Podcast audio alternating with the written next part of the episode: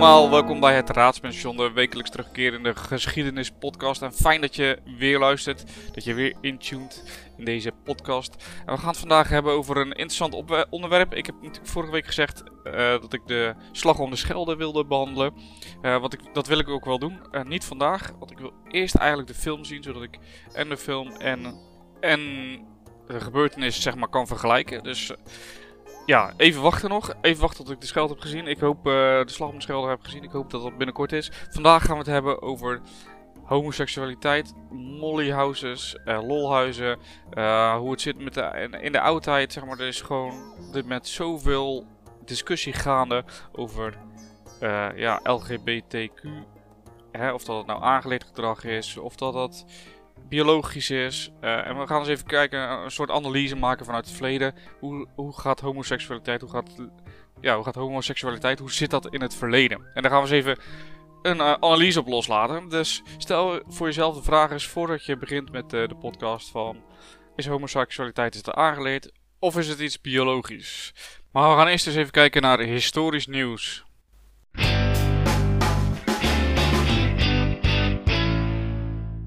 Wie is er nou niet gek van dinosaurussen? Want we gaan het eerst over dinosaurussen hebben. Nou, ik was helemaal fan van dinosaurussen sinds ik Jurassic Park had gezien in groep 8. Dus uh, zo oud ben ik al. En mijn zoon is ook helemaal gek van dinosaurussen. Dus uh, dinosaurussen, eh, dat leeft echt op dit moment. Hè. Het is een soort mysterieuze wereld met grote, gave dieren.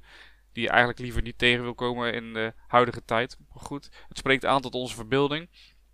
En er zijn allerlei klimatologen, er zijn natuurlijk allerlei onderzoeken, maar het zijn nu paleoclimatologen die het klimaat hebben bestudeerd in het verleden. In dit geval in het krijttijdperk van uh, de dinosaurussen. En om het klimaat te bestuderen moet je eigenlijk weten wat de temperatuur is, de gemiddelde temperatuur, per seizoen. Dus je kan het niet gemiddeld of uh, over het hele jaar of weet ik veel. Je moet echt per seizoen kijken. Dus je moet best wel specifiek inzoomen op een ja, op specifiek seizoen. En uh, eh, 10 juni is er een uh, rapport uitgekomen, een onderzoek uitgekomen van Niels de Winter, een Nederlander. En um, hij heeft dat onderzocht in het krijtperiode aan de hand van schelpen. Dus hij heeft zeedieren die in warme zeeën leefden, heeft hij onderzocht op een bepaalde manier. Uh, ja, noemen ze het clumped isotope methode. Nou, ik ga niet proberen om uit te leggen hoe het precies werkt. Um, maar je kan in ieder geval daarmee kan je specifieke eigenschappen kan je linken aan bepaalde temperaturen van die, van die zee, uh, zeeschelpen, zeg maar. En daardoor konden ze dus vaststellen dat uh, het krijtperiode een soort broeikasperiode was met heel veel CO2 in de lucht. En uh, tijdens dat krijtperiode schommelde de temperatuur tussen de 15 en de 27 graden Celsius. of het watertemperatuur moet ik zeggen. En dat is ruim 10 graden warmer als vandaag de dag. Zelf uh, zegt Niels de Winter hierover. Het is erg moeilijk om klimaatverandering van zo lang geleden op de schaal van seizoenen te bepalen. Maar de seizoenschaal is wel essentieel om klimaatreconstructies te doen kloppen. Als je amper verschil hebt tussen de seizoenen, is de gemiddelde jaartemperatuur een ander dan wanneer er veel verschil is tussen de seizoenen. Voor het tijdperk van de dinosauriërs ging men uit van weinig seizoensverschil. We hebben nu kunnen vaststellen dat er wel grotere seizoensverschillen waren. Bij hetzelfde temperatuurgemiddelde over een jaar kom je dan uit bij een veel hogere temperatuur in de zomer.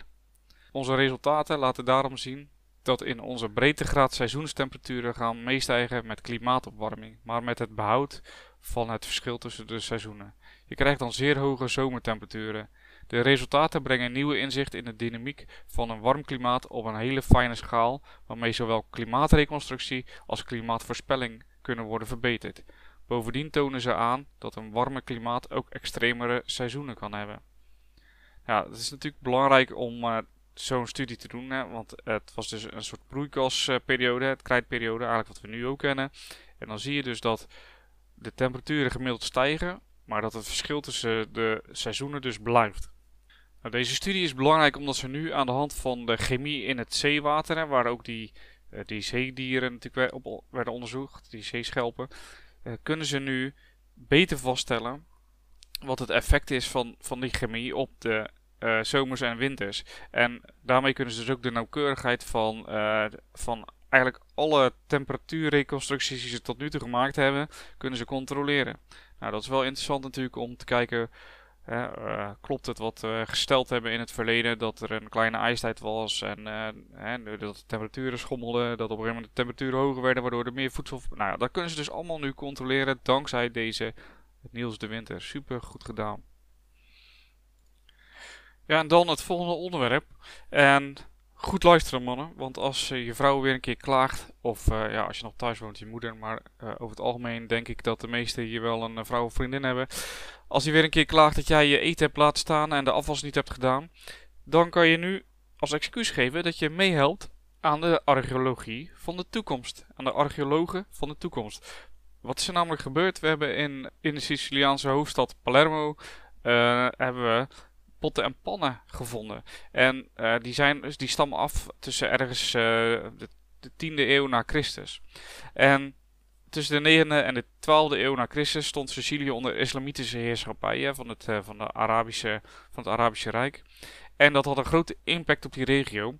Het werd namelijk, de, stad Palermo werd een economisch en cultureel centrum van de mediterrane islamitische wereld. Dus echt een belangrijke groei en een belangrijke positie nam, die, nam die stad in.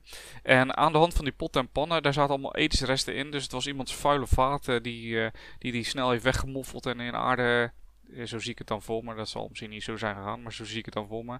Een man die voor zijn vrouw de pot en pannen ver, ver, hè, verbergt van ja, ze zijn gejat, uh, schat. En ondertussen had hij gewoon geen zin om af te wassen. Ik noem maar iets geks. Maar um, die potten en pannen zijn opgegraven en een team uh, boog zich over 134 potten en pannen die dus dateerden tussen de 9e en de 12e eeuw na Christus. Ook werd de keukengerij opgegraven en er werd gekeken, ja, uh, aan de hand daarvan kan je natuurlijk zien wat iemand eet. En wat het dieet is van uh, ja, de mensen die toen de tijd leefden. En wat interessant is, uh, vooral interessant is, is dat ze geen vis aantroffen. Dat terwijl Palermo in die tijd een kuststad was, waar de tonijnvangst een groot onderdeel was eigenlijk van, de belangrijke, van een belangrijke handel. Hè? En die visvangst, die, werd, uh, die techniek werd door de Arabieren geïntroduceerd. En dus dat er geen vis gevonden werd, is natuurlijk heel bijzonder. Wat er wel werd gegeten was een grote verscheidenheid aan groenten, fruit en dierlijk voedsel. Uh, het meest opvallende ook is dat er uh, interessante verschillen zijn tussen de landelijke en de stedelijke keukens, maar dat ze wel met elkaar verbonden leken. Dus dat wat op platteland verbouwd werd, dat dat vaak naar de hoofdstad werd gevoerd. En um, ja, dat is een hele interessante ontdekking eigenlijk in het, in het eetpatroon en het dieet van de mensen die in Palermo woonden. Ook vertoont de keuken veel overeenkomst met de, de Arabische culinaire uh, keuken, die natuurlijk heel uitgebreid en heel rijk was. Dus uh, ja, je ziet echt dat die Arabische invloeden daar ook weer sterk naar voren komen. Dus mannen, gooi gewoon die potten, begraaf ze in de voortuin of de achtertuin. En dan kan je altijd zeggen, ik help mee dat wetenschappers later kunnen zien wat wij gegeten hebben, schatje. En dan gaan we nu verder met het hoofdonderwerp.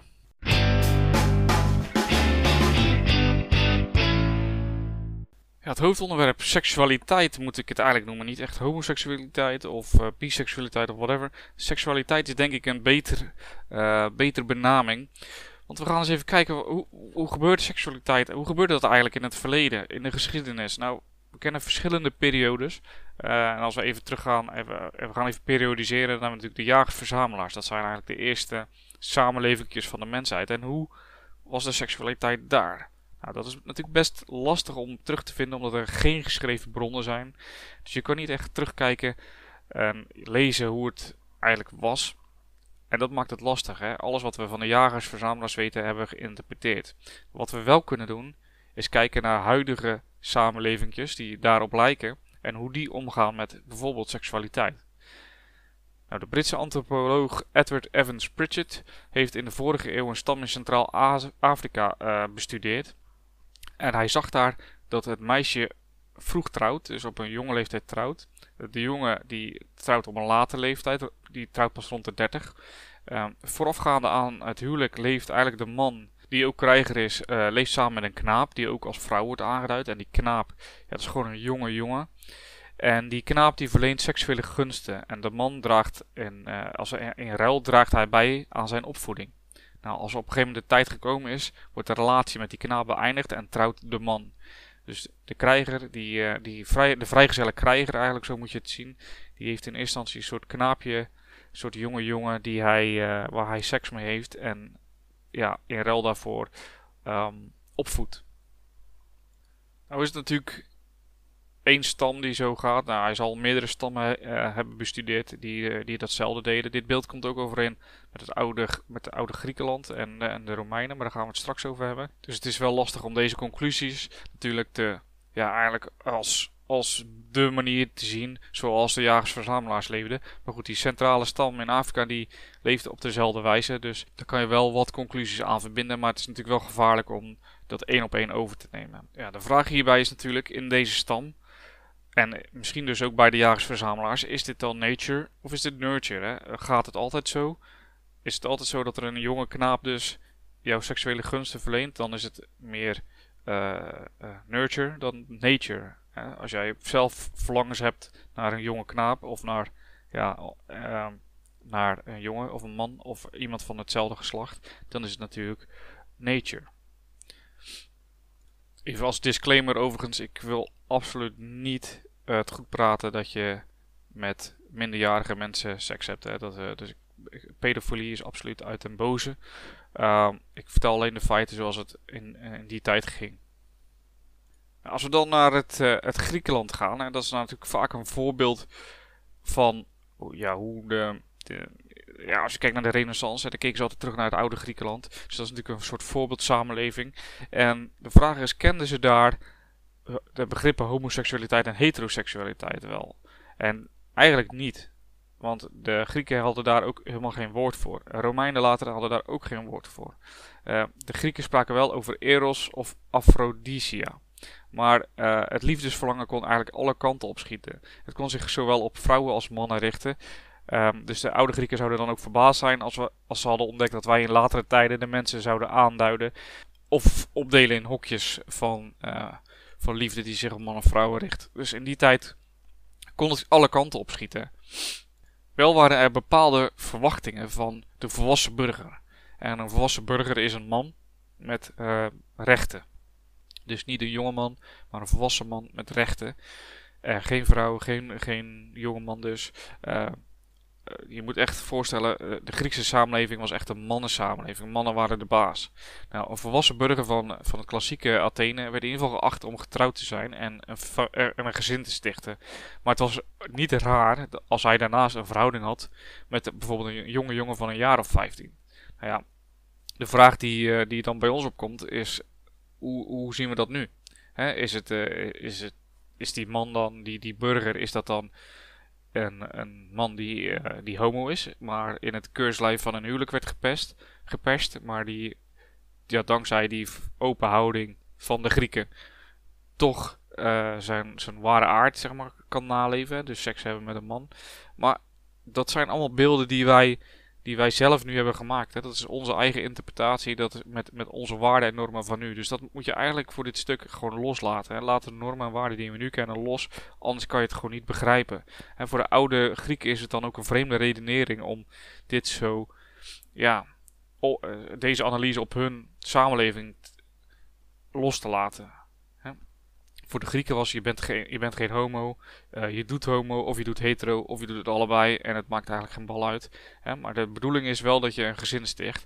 En dat heeft natuurlijk mee te maken, een uh, soort, ja, je wil natuurlijk altijd dat je cultuur uh, en dat je, dat je samenleving dat die overleeft. Hè? En daarvoor heb je natuurlijk een gezin nodig. Wel kan je hier weer de, de nature-nurture debat kan je hier weer op loslaten. Is het, hè, wordt, de, wordt de Atheense burger wordt hij gedwongen, dus eigenlijk uh, nurture, om een gezin te stichten en met een vrouw naar bed te gaan? Of wordt hij gedwongen om daarnaast een jonge knaap te nemen? Um, hè, dus is het nature of nurture? Of wilde die het zelf? Hè, dan is het natuurlijk nurture. Dus dat is dan wel een interessante, interessant vraagstuk. Wat, wat ja, wij denk ik niet kunnen, ja, precies kunnen beantwoorden. Wat eigenlijk seksueel toelaatbaar is in het oude Grieken of eh, specifiek Athene. Want we hebben het niet over de Spartanen in dit geval. Dat was een andere stadstaat met andere normen en waarden. Maar over de Atheners. Uh, wordt niet bepaald door het geslacht van de persoon met wie je naar bed gaat. Maar door je positie in dat bed. Hè. Ben je actief? Ben je passief? Uh, boven of onder? Nou, in het Grieks noemen ze het ook. Ben je de Erastes of de Eromenos? Uh, of nog duidelijker, ben je de penetrator of word je gepenetreerd? Nou, een vrije Atheense burger is een echte man en dus actief. Uh, en zijn partner uh, of dat nou een man of een vrouw is, of een jonge man of een, een jonge vrouw of oude, nou, whatever. Dat is niet relevant. Hè? de, de, de, de, burger ligt bovenop en die is actief. Nou, partner overigens klinkt natuurlijk wel heel modern, maar daar, daar, daar lijkt het alsof het om gelijkwaardige personen gaat, maar ook dat is totaal niet aan de orde. Als je namelijk ook kijkt naar het Atheense huwelijk, dan zie je dat de man politieke rechten had. Ik zei het al, het is een burger. Eh, een, volwassen man met burgerlijke rechten. Nou, een vrouw heeft dat nooit. Uh, en zo is dat, constant, is dat constant eigenlijk in die Atheense code. De onderliggende partij uh, ligt ook maatschappelijk of politiek onder. Hè. Denk aan een slaaf of slavin. Denk aan de hoer, of het nou een man of een vrouw is. Maar denk ook aan de jonge knaap die naast de vrouw werd genomen, om het even no fun intended. Um, wat wel zo is, is dat de jonge knaap vaak komt uit de kring van de vrije burgers. Dus uiteindelijk zal hij een volwassen man worden, rechten krijgen en uh, dus ook maatschappelijk en psychologisch uh, onafhankelijk worden. Maar op dit moment is hij, dat hij een knaap is, is hij dus nog afhankelijk en een ja, dus vrij aantrekkelijke partij voor een volwassen Atheense burger ook moeten we niet denken dat um, tijdens die sekspartijen dat, het, dat ze allebei elkaar willen. Hè? Zeker natuurlijk als je slaaf hebt of een hoer of een, of een ja, ook de vrouw. Hè? seks was in dat geval was het niet gelijkwaardig. Dus de man, uh, de burger, die, uh, die had gewoon seks en die vond het lekker. En wat de ander vond, ja, dat is dan jammer, zeg maar. Dat is, eh, om dat zomaar even te benoemen. Misschien waren er natuurlijk uitzonderingen op, hè, dat als je echt van de vrouw houdt, dat je haar wel een bepaalde vorm van genot wil geven. Maar in, in eerste instantie was dat niet de bedoeling, zat dat niet in de Atheense code. Dus zo zie je dat seks in dat, op dat opzicht natuurlijk heel plat geslagen even het genot van de man is. Of dat nou met een met een slaaf, slavin, uh, of man of vrouw is, of jongen of meisje of whatever. Dat maakt niet uit. Het gaat eigenlijk om de Atheense burger in dit geval, die graag seks wil.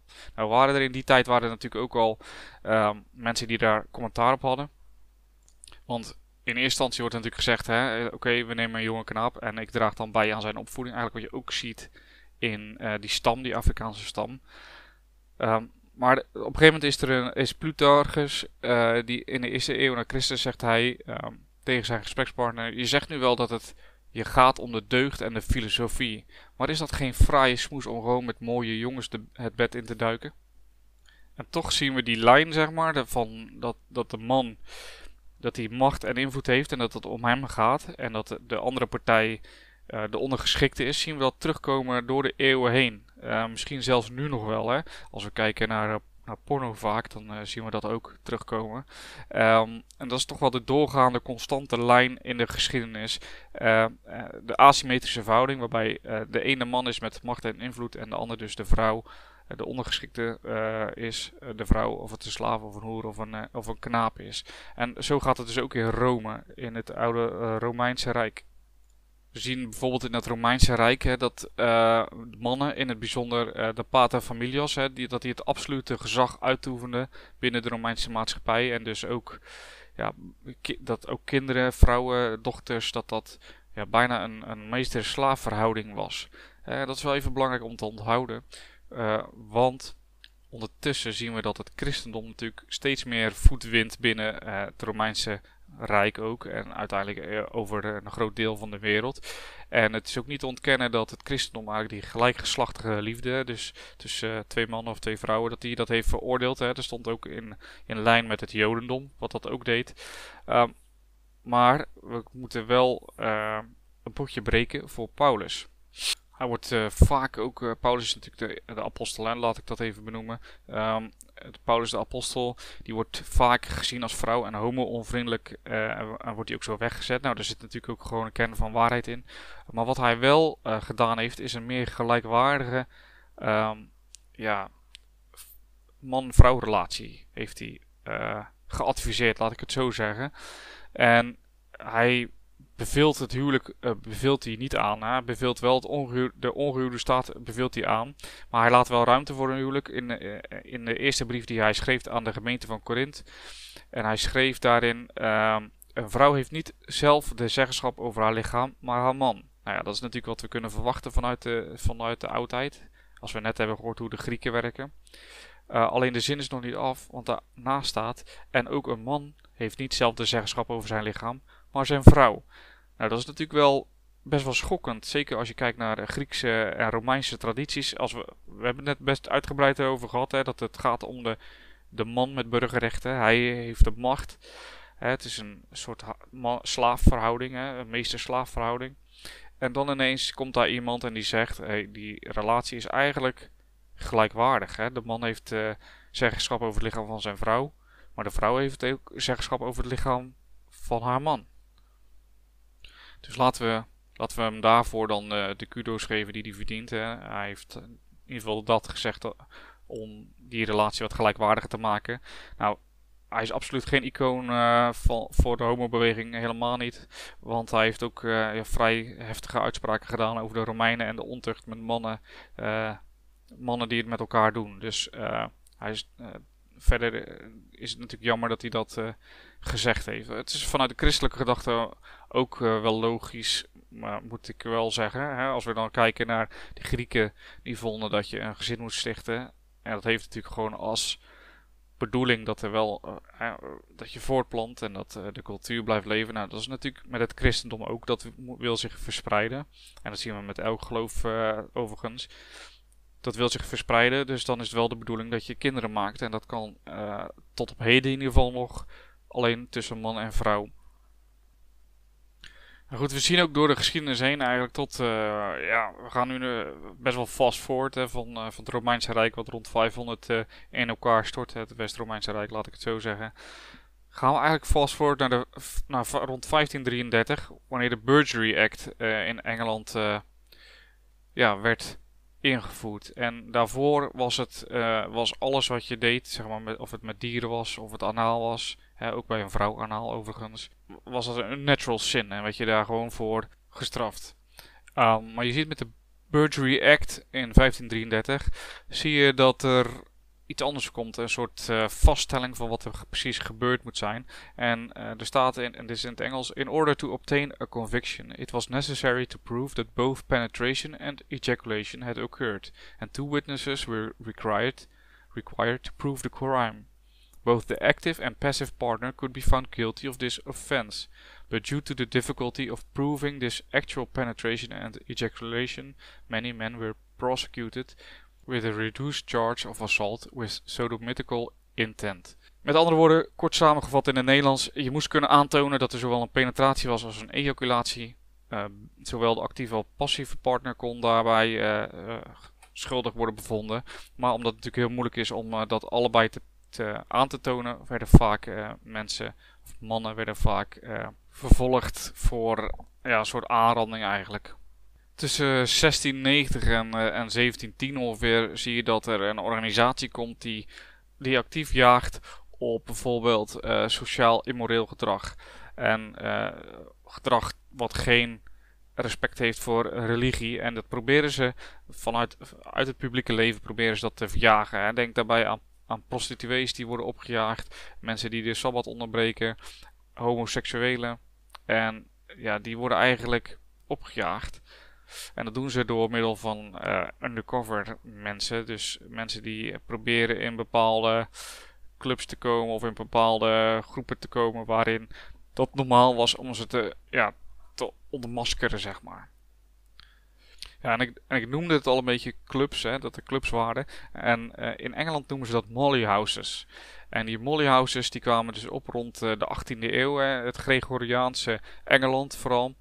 Uh, maar ook in Nederland, maar daar ga ik het zo even over hebben. En die, die molly houses, dat zijn eigenlijk plekken waar in Engeland, in bijvoorbeeld tavernes of koffiehuizen, waar mensen in achterkamertjes, mannen eigenlijk moet ik zeggen, want laat het even duidelijk maken dat vrouwen, uh, die, daar is helemaal geen discussie over of ze bi zijn of niet. Die moeten gewoon thuis blijven, denk ik. Dat dat uh, natuurlijk belangrijk is. En die mannen die gaan in achterkamertjes, gaan ze met elkaar, ontmoeten ze elkaar om seksuele ja, zaken met elkaar te doen, hè, om seks te hebben met elkaar. En dat gebeurt dus in die, in die molly houses. En dus dat is een term voor, voor eigenlijk voor ontmoetingsplekken voor homoseksuele mannen. En net zoals je nu bijvoorbeeld ja, de parkeerplaats naast de snelweg heb ik noem maar iets geks. ik noemde het net al een beetje, die Gregoriaanse Engelse tijd. En eigenlijk concentreerde zich die, die, de Engelse samenleving concentreerde zich op familie en huishouden. dat, waren de, dat waren de belangrijkste punten, de belangrijkste plekken voor reproductie, om, om kinderen te maken. En dus niet mannen mannen of vrouwen vrouwen of uh, nee, mannen en vrouwen in een gezin. Dat was uh, de, de hoeksteen eigenlijk van de samenleving zoals we dat nu natuurlijk ook vaak uh, horen. Nou, omdat homoseksualiteit hè, werd sodomie genoemd, was natuurlijk een capital offense, oftewel een zwaar misdrijf. Moesten die ja, moesten seksuele activiteiten tussen mannen moesten ergens plaatsvinden in dus die mollyhouses, zoals ik al zei. Die mollyhouses waren eigenlijk een soort eerste gay clubs, maar dan iets kleiner. Het werd steeds groter. En uh, die, die gay clubs, die achterkamertjes waar dus uh, mannen seks hadden met elkaar, die groeiden wel steeds groter uit. Maar die waren vooral in, in plekken, op plekken in steden waar het niet zo veilig was. Omdat uh, ja, vaak de politie daar dan ook niet durfde te komen om te handhaven. Zoals ik net al zei, die, die Burglary Act. En natuurlijk die sociëteit die opgericht werd om dit soort zaken te ontmaskeren, die kwamen op. En um, je ziet wel dat die Mollyhouses een succes waren in die zin dat er, er een soort homoseksuele subcultuur ontstond. Eigenlijk een soort gay scene. De eerste gay scene in ja, misschien wel de wereld. Nou, in Nederland hadden we ook een soort mollyhouses, dat noemden ze lolhuizen. En ook in Nederland werd er een soort, ontstond er een soort subcultuur, een homoseksuele subcultuur, een soort gay scene. Eh, waarbij kledinggedrag en vrouwelijke prostituees vaak werden geïmiteerd. Het is wel zo dat er wel eens uh, homoseksuele contact was tegen betaling. Maar dat was over het algemeen was dat, niet, was dat meer bij, per gelegenheid. En niet, uh, had geen bedrijfsmatig karakter zoals je nu zeg maar uh, hoeren hebt of escorts of whatever. Dus dat was niet zo. Het grappige is ook dat de mannen die uh, vaak naar die lolhuizen gingen, dat, dat dat vaak echt mannelijke mannen waren. En, en, op een of andere manier wilden zij, dus in die lolhuizen wilden zij hun vrouwelijke kant of iets dergelijks omarmen om zich vervolgens om te kleden als vrouw of in ieder geval seks te hebben um, met andere mannen. Nou, het woord lolhuis is eigenlijk afgeleid van, uh, van het woord lol, dat uh, meid of wijf betekent. Uh, in de 19e eeuw werd het lollepot, een scheldwoord eigenlijk voor de lesbische vrouw. En later werd dat scheldwoord werd afgekort tot pot. Eigenlijk wat nu nog steeds natuurlijk een gangbaar scheldwoord is voor lesbiennes. een pot natuurlijk. We zien in Nederland dat er in Amsterdam, Utrecht en Den Haag dat daar uh, herbergen waren die dus uh, soort lolhuizen waren. Waar dus mannen uh, met elkaar seks konden hebben. En als we kijken naar België, dan zien we, dat is eigenlijk de zuidelijke Nederlanden, zien we eigenlijk dat daar geen vergelijkbare kroegen of dergelijke lolhuizen waren. dus mogelijk waren ze dit niet of ze waren gewoon goed verborgen. Dat kan ook. Wel uh, was er een uh, man in 1781 uh, wegens sodomie gearresteerd en die, zijn naam was Peter Stoker. En hij verklaarde dat er in Frankrijk destijds wel speciale gelegenheden waren voor homoseksuele mannen. En ik kan me ook niet voorstellen dat die er in België niet waren, maar die waren dan gewoon goed verborgen. Ja, om dan even terug te komen aan de vraag die ik natuurlijk aan het begin van de podcast stelde. Is het nature of is het nurture? Nou, dat debat wordt nog steeds gevoerd. Hè. We zien nog steeds mensen die denken of vinden dat homoseksualiteit een, uh, een, gedrag is wat aangeleerd is en wat het, of, of zelfs uh, dat het een ziekte is en dat het genezen kan worden of dat je het kan behandelen. Um, er, is ook om, er is onderzoek gedaan naar één eigen tweelingen en die bieden ongeveer een 50-50 resultaat. Hè? Of het nou voeding is of opvoeding. Hè? Dus nature of nurture. En als je kijkt bij de, een tweeling die homoseksueel is, een één eigen tweeling, is de kans dat de ander homoseksueel is dus als een van de twee homoseksueel is, dat de andere homoseksueel is, is net boven de 50%. Wat natuurlijk veel hoger is dan het uh, gebruikelijke gemiddelde. Dat betekent toch dat er een soort aanleg, dus een soort nature uh, in het spel is. Nou ja, als we kijken naar um, nu, nurture, als we kijken naar dat stukje, ja, dan zien we natuurlijk als we naar kijken naar het oude Grieken, dat dat wel een beetje, het was de norm dat je ook een jonge knaap had. Uh, als we kijken naar uh, even toch een uitstapje naar de Spartanen, dan zie je ook dat daar vaak de bedoeling was dat een stoere krijger een uh, jonge jongen onder zich nam als, als mentor en daar ook seks mee had. Dus dat is, pleit weer een stukje nurture. Nou, zoals veel dingen, denk ik, is nature-nurture, staat dat gewoon in verhouding met elkaar. Ik bedoel, we hoeven elkaar niet gek te laten maken, we hoeven elkaar geen mietje te noemen.